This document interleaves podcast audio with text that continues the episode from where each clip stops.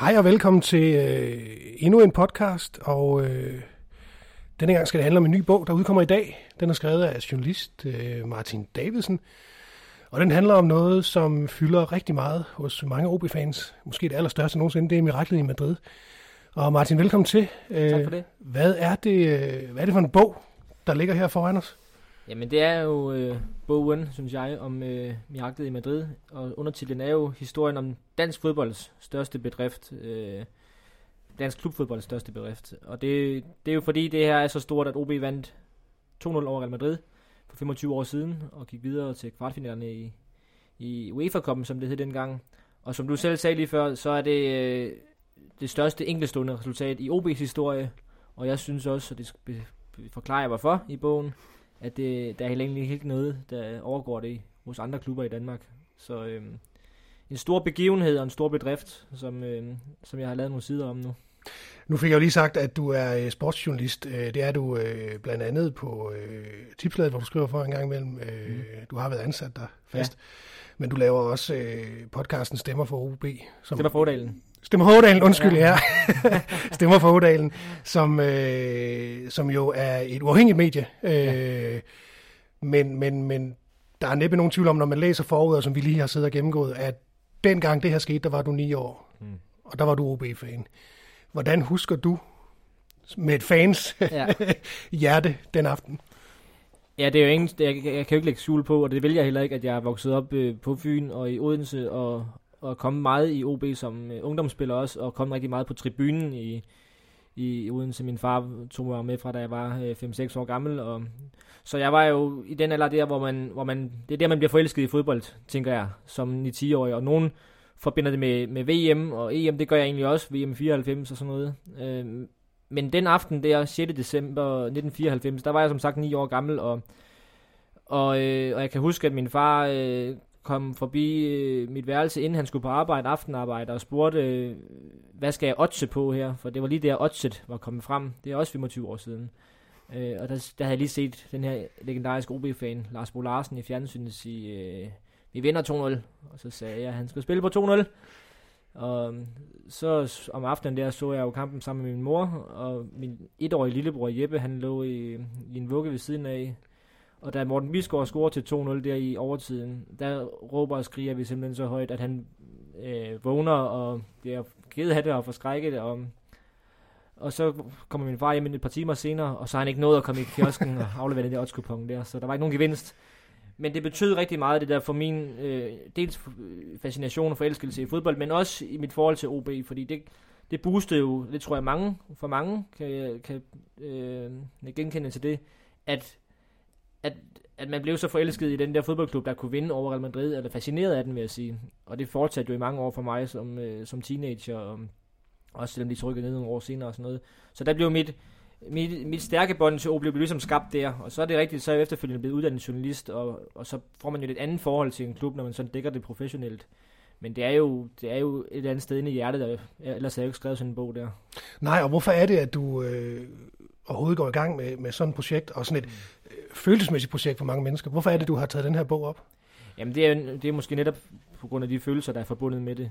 Øh, nu er OB jo... Øh, sådan øh, det seneste år kommet meget godt igen, men det har jo været en, en hård tid for folk, der holder med OB, og så længes man måske efter gamle dage. Men det her, det er sådan et, det, jeg kalder det jo OB's svar på EM92. Øh, det, der, jeg tror, der er rigtig mange, der husker, hvor de var, da de så den kamp, og hvilken livssituation de var i. Øh, og, og man skal ikke underkende, hvor, hvor meget det egentlig betød for, for Odense og for, for OB som klub, at man vandt den der kamp der over Real Madrid. Det, var verden, det er verdens største klub, man sendte ud. Og det er, ikke, det er stort set ikke sket siden, at Real Madrid har, har tabt sådan der på hjemmebane i, i europæisk regi. De havde Michael Laudrup med og sådan noget. Så det var bare så stor en begivenhed, det der. Det blev vist på TV2 i den bedste sendetid. En million seere. OB var hele Danmarks hold på det her tidspunkt. Mm. Så jeg tror, der er rigtig mange, der har netop har nogle følelser omkring det der. Og for mig er det bare sådan en mytisk begivenhed og, og en ikonisk øh, kamp i OB's historie, dansk klubfodbolds historie. Det er jo også i over 30 år siden, at OB blev dansk mester. Det er da det er større, synes ja, jeg. Ja. Øhm, fordi den, den rummer så mange ting. Øhm, og så en af, en af mine øh, indgangsvinkler til OB, og grunden til, at jeg kom til at følge OB så tæt. Det var også Lars Høgh, og det er også Lars Høghs bedrift, det der. Øh, så det har også fyldt noget i mit arbejde med det, at øh, det også var en bog, der skulle hylde ham og træneren Kim Brink for den sags skyld. Øh, så, så ja, der, der er egentlig mange grunde til, at, at der skulle være en bog om det her, synes jeg. Øh, og den har ligesom ligget i skuffen, den idé der, i, i mange år. Og, og, og så har det jo været naturligt, at der skulle være en anledning til det. Og, og der bliver 25 års jubilæum jo sådan den krog, den kan hænge i. Øhm, nu har du jo nørdet den her bog. Jeg har, jeg har lige fået den i hånden, så jeg har desværre ikke noget at læse den. Mm. Øh, men, men du må jo næsten være ekspert på det her mirakel.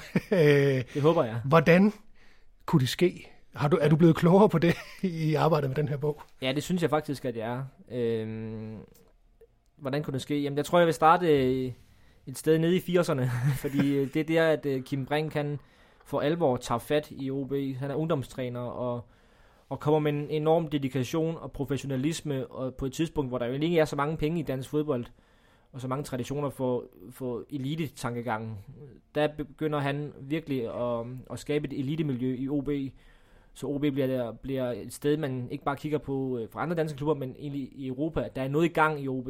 Øh, OB bliver dansk yndlingemester, ungdomsmester for, i, i både 88, 89 og 91, tror jeg. Og bliver nummer 92 med Kim Brink som træner. Og, og en del af de spillere der, de kommer så til på førstehold nogle år senere. Og Kim Brink bliver også førsteholdstræner nogle år senere og har ligesom skabt det der fundament med OB som et, øh, et, et hold, hvor man øh, er enormt fysisk stærke. Man går aldrig ned på, på, på fysikken. Kim Brink han har en, en talemåde, eller et motto, der siger, at det, vi bliver måske aldrig lige så dygtige som Bayern München, men, øh, men vi kan sagtens træne, det forhindrer os ikke at træne lige så meget, eller blive lige så fysisk stærke. Det, det, det, det kan vi jo godt. Øh, så der var blev trænet enormt hårdt og enormt dedikeret, og Kim Brink han var som træner forud for sin tid. Øh, det er noget af det, jeg har fundet ud af i min research, at, at, at, det var en stor, at han har en stor del af æren, fordi OB på det tidspunkt øh, var, et, øh, var en førende klub på mange af de her parametre her. Øh, men det gør jo ikke, at man bare lige knipser med fingrene og så vinder over Real Madrid, som på det her tidspunkt, øh, de vinder i samme sæson den spanske liga med 7-8 point ned til Barcelona.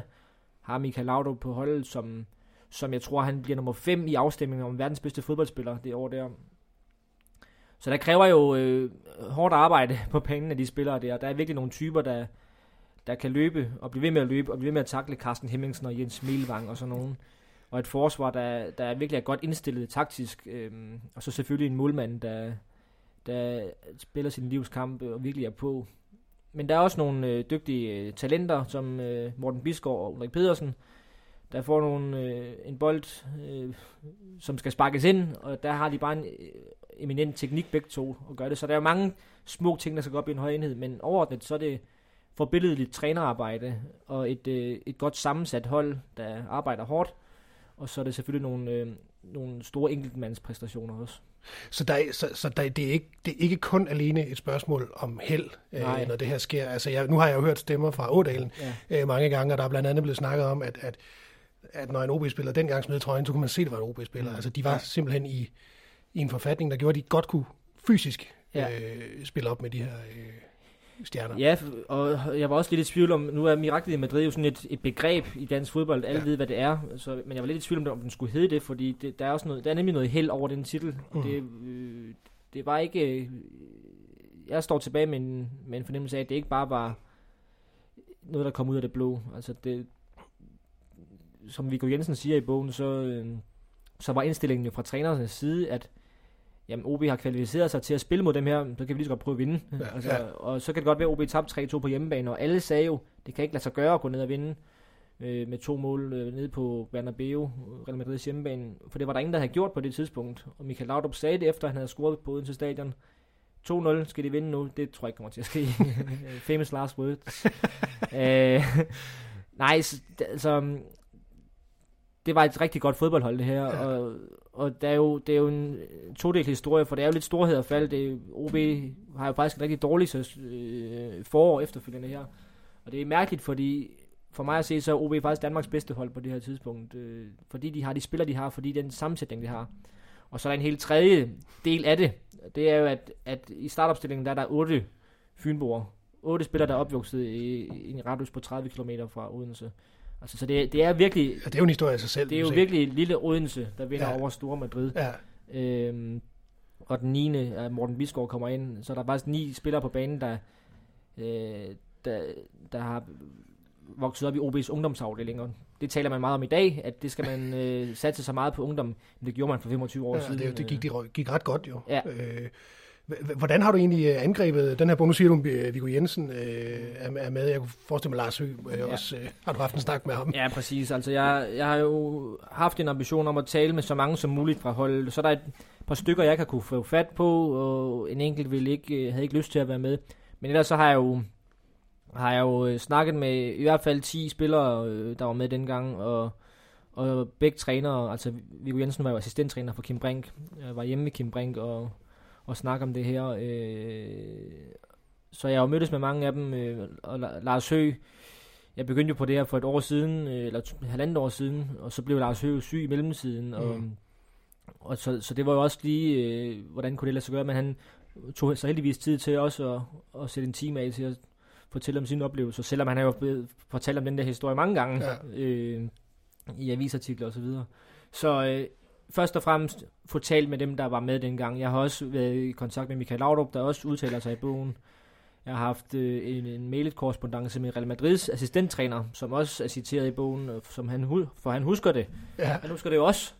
det gør de vel. Øh, og så må jeg jo sige, at jeg jo har begravet mig i, i, i research i skriftlige kilder. Jeg har jo læst alle udgaver af Fyns Stiftstidende fra den gang, og Ja også øh, Leif Rasmussen, der er jo på Fyns Stiftstidende nu, han var jo i, øh, på øh, Ekstrabladet dengang, så jeg har også læst hans, hans artikler fra dengang om det, og, og, og så ja, det her mirakel i Madrid blev jo refereret mange steder i bøger og, og så videre. øh. Jeg var også nødt til at, um, at jeg har et helt kapitel om Michael Laudrup, fordi, fordi historien om Mirakel i Madrid rummer også den der kamp på Odense Stadion, hvor en verdensmand kommer til byen. Altså, Michael Laudrup, man fatter ikke, hvor stor Michael Laudrup var i midten af 90'erne. Jørgen Let laver jo en film om ham, og, øh, og han er øh, på bagsiden af havgrønspakkerne, og han øh, bliver kåret til årets dansker i 1994. Ikke årets fodboldspiller, årets dansker Ja. i 94, og han kommer til Odense.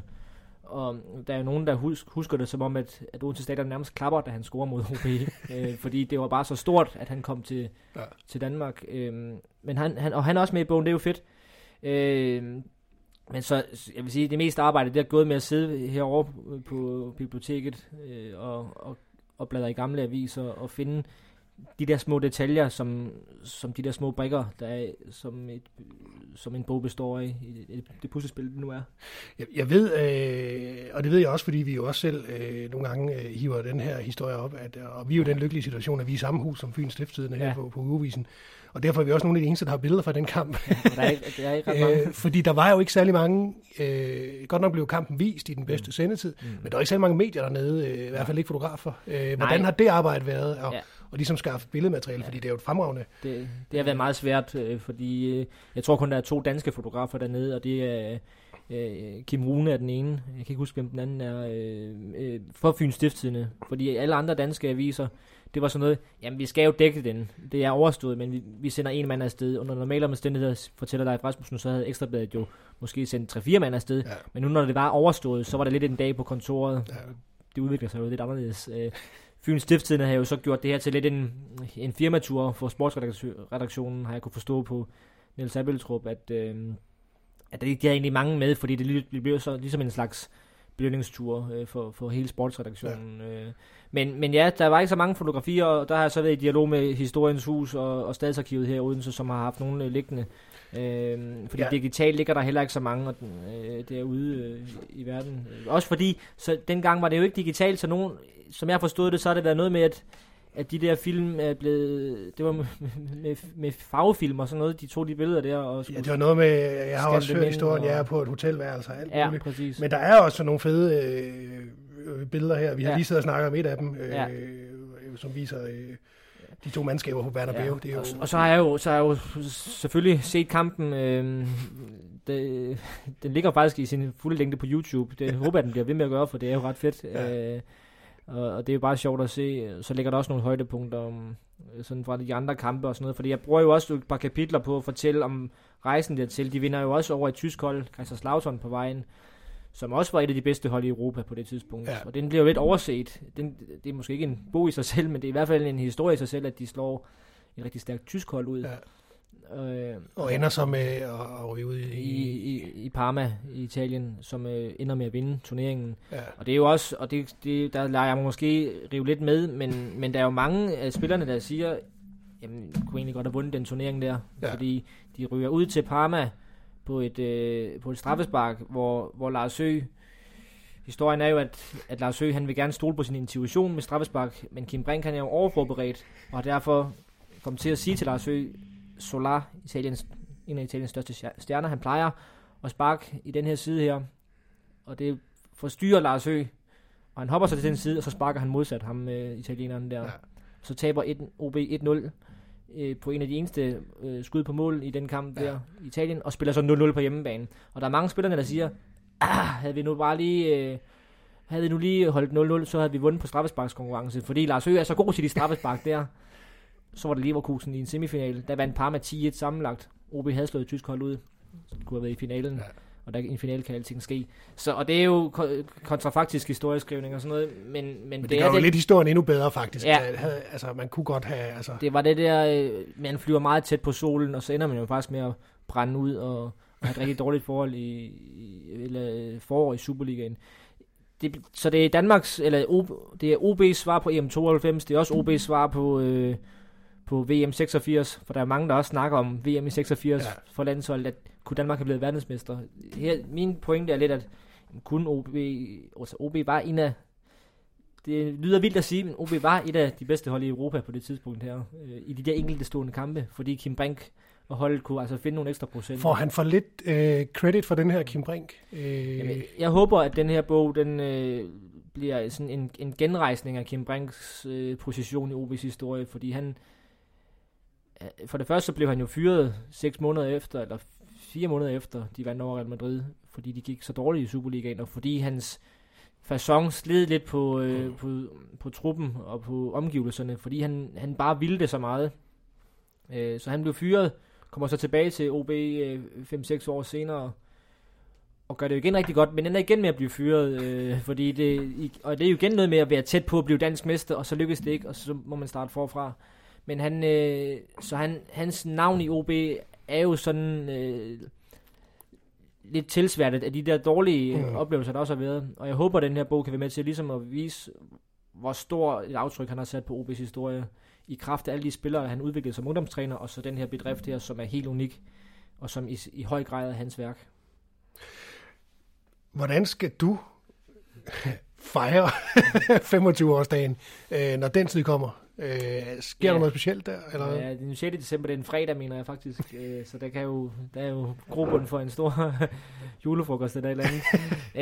øh, nej, altså vi har jo i dag, øh, den 22. oktober, øh, hvor den her udsendelse udkommer, der, øh, der holder vi jo et arrangement øh, i Odense. Øh, sådan, det er sådan et, et sams, samsurium af samarbejdspartnere. Det er både os med bogen, og så er det Stemmer for Årdalen, var jo også involveret, og så OB. Vi holder et arrangement, hvor Kim Brink og Lars Høgh kommer på scenen øh, og skal snakke om det her sammen med mig, og, og hvor vi også har inviteret hele truppen til ligesom at markere det. Og hvorfor er det ikke den 6. december? Jamen det var lige nogle kalender, der skulle passe Mm. mm. sammen og sådan noget. Øh, så det, det, bliver i dag, det bliver i dag. Og, øh, og så skal, så skal OB jo spille en kamp den 9. december. Det var også noget med nogle datoer. Hvorfor er det ikke den 6. Men de spiller en hjemmekamp den 9. december, hvor de jo... Øh, hvor de også skal markere det her, og hvis de også skal spille i en øh, jubilæumstrøje, en speciel trøje, der skulle ligne den der øh, fra gamle dage. Det er det, jeg må sige. Nu har jeg sagt det. øh, jeg tror, den bliver præsenteret på det der arrangement i aften. Så. Ja, det går nok. Ja, hvad hedder det? Den 6. december, jamen jeg tror, jeg måske bare lige øh, skænker mig et øh, glas rødvin og, og finder højdepunkterne på YouTube. Øh, og det er jo meget de der Lars Høgh-redninger der, der er fede at se. Det er en, ma- jeg har også snakket med ham om de der øh, redninger, det er, det er fuldstændig øh, det er forrygende. Hvis jeg lige meget, jeg vil jo sige, Lars Høgh, det er jo også en, altså som jeg startede med at sige, det er også hans bedrifter, der er også et helt kapitel om ham og hans karriere, og, og ligesom årene op til det der. Og, og jeg blev jo, som alle andre, meget, meget fascineret af Lars Høgh i forbindelse med det der. Nu, nu hvor det er uavisen, så vil jeg jo gerne fortælle en anekdote om, øh, om det har så været foråret 1996, at øh, Uavisen de holder en konkurrence, at man skal gætte, hvordan de øh, fynske resultater i, i divisionerne og Superligaen bliver. Øh, rykker B109 op, rykker Svendborg op, øh, kommer OB i top 3, så noget. Og det kunne man så øh, gætte på, og vinderen, øh, tre vinder vil øh, få en frokostmøde med sin favorit OB'er. Og Martin Davidsen på 11 år, han, øh, han gætter alle fire rigtige, og det var en, lidt en sensation. Det er noget med, at B9 rykker ned fra første division. Der var der ingen, der havde regnet med. Okay. Men den havde jeg taget, fordi jeg holdt med OB, så jeg håbede lidt, at de der nier der, de røg ud. det hedder jo, øh, når man skulle have to røde pølser på stadion, så var der jo to nedrykkere med brød, ikke også? to nedrykkere? Ja. Nej, så øh, der vandt jeg, og jeg vinder et møde med Lars Sø, øh, og det kommer uavisen af dækker, og der er sådan nogle billeder af mig, hvor jeg rider på ryggen af Lars Høgh og sådan noget. Og de billeder må vi jo kunne finde det må jeg kunne grave frem, ja. Jeg ja, men øh, jeg, øh, nu optager vi det her et par dage før den 22. Ja. men øh, skal vi ikke satse på, at der i, i den, den avis, der udkommer i dag, også er et billede af Martin Davidsen ja. på ryggen? Øh, og der kan jeg huske, at da, da journalisten spørger mig, hvad vil du være, når jeg bliver stor? Det er også, der jeg er faktisk sportsjournalist. Okay.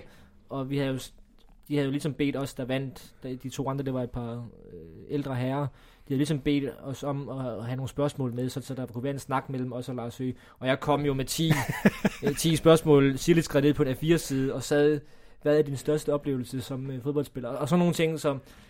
Og jeg har jo tænkt over efterfølgende, jeg skriver også i foråret, at hele det der miraklet i Madrid, og Lars Høgh og sådan noget, det bliver et eller andet sted også startskud til, at jeg bliver så vild med OB, og jeg bliver så så, så bliver jeg formuleret i det der med det der med at skulle skrive om sport, ja. og og det, så er der jo en rød tråd helt op til i dag, hvor jeg så lever som sportsjournalist, og med OB som stofområde. Og det starter et eller andet sted der omkring Miraklet i Madrid. Så for, for personligt, om, så er det også bare en, en, en fed fortælling for mig. Jeg tror, det er en fed fortælling for øh, alle, der har bare måske også for nogle nier i virkeligheden, ja. og få lov til at læse den her bog. Det er triumf, det der. Ja. Ja. Hvor, er det, hvor er det, man kan købe det? Forlaget Asborg, der er udgivet. Hvor, ja. er det, hvor kan man købe den hen, Martin? Jamen, den, den skulle jo gerne... Det er, jeg ved, at den er i, i butikkerne i, i Odense i dag. Øh, Bog idé, Anders, Anders Busk har i hvert fald øh, købt nogle stykker og okay. udstiller sig. Ellers er det forlaget Asborg, øh, hjemmesiden asborg.dk, kan man bestille den. Man kan også øh, henvende sig til, til mig sådan personligt, enten på på Twitter eller Facebook, eller hvor man nu kan, kan finde mig, øh, så, så skal jeg nok også øh, sørge for at få nogle, nogle bøger i folks retning. Øh, men den er i butikkerne fra i dag. Og så kan man øh, vinde tre, fordi vi har fået tre af dig, Martin, som øh, vi øh, udlodder til læserne, designeret af Martin. Øh, og vi blev enige om, at øh, måden man vinder dem på, det er at skrive en mail til øh, også her på Urevisen, der er konkurrencesnabel af UAO.dk, og der fortæller man øh, sin oplevelse af øh, den store aften i, øh, i Madrid. Og så vil jeg lige sige, at øh, man kan også købe nu til det arrangement der, vi har i aften med Lars Høgh og Kim Brink. Og hvor er det arrangement henne?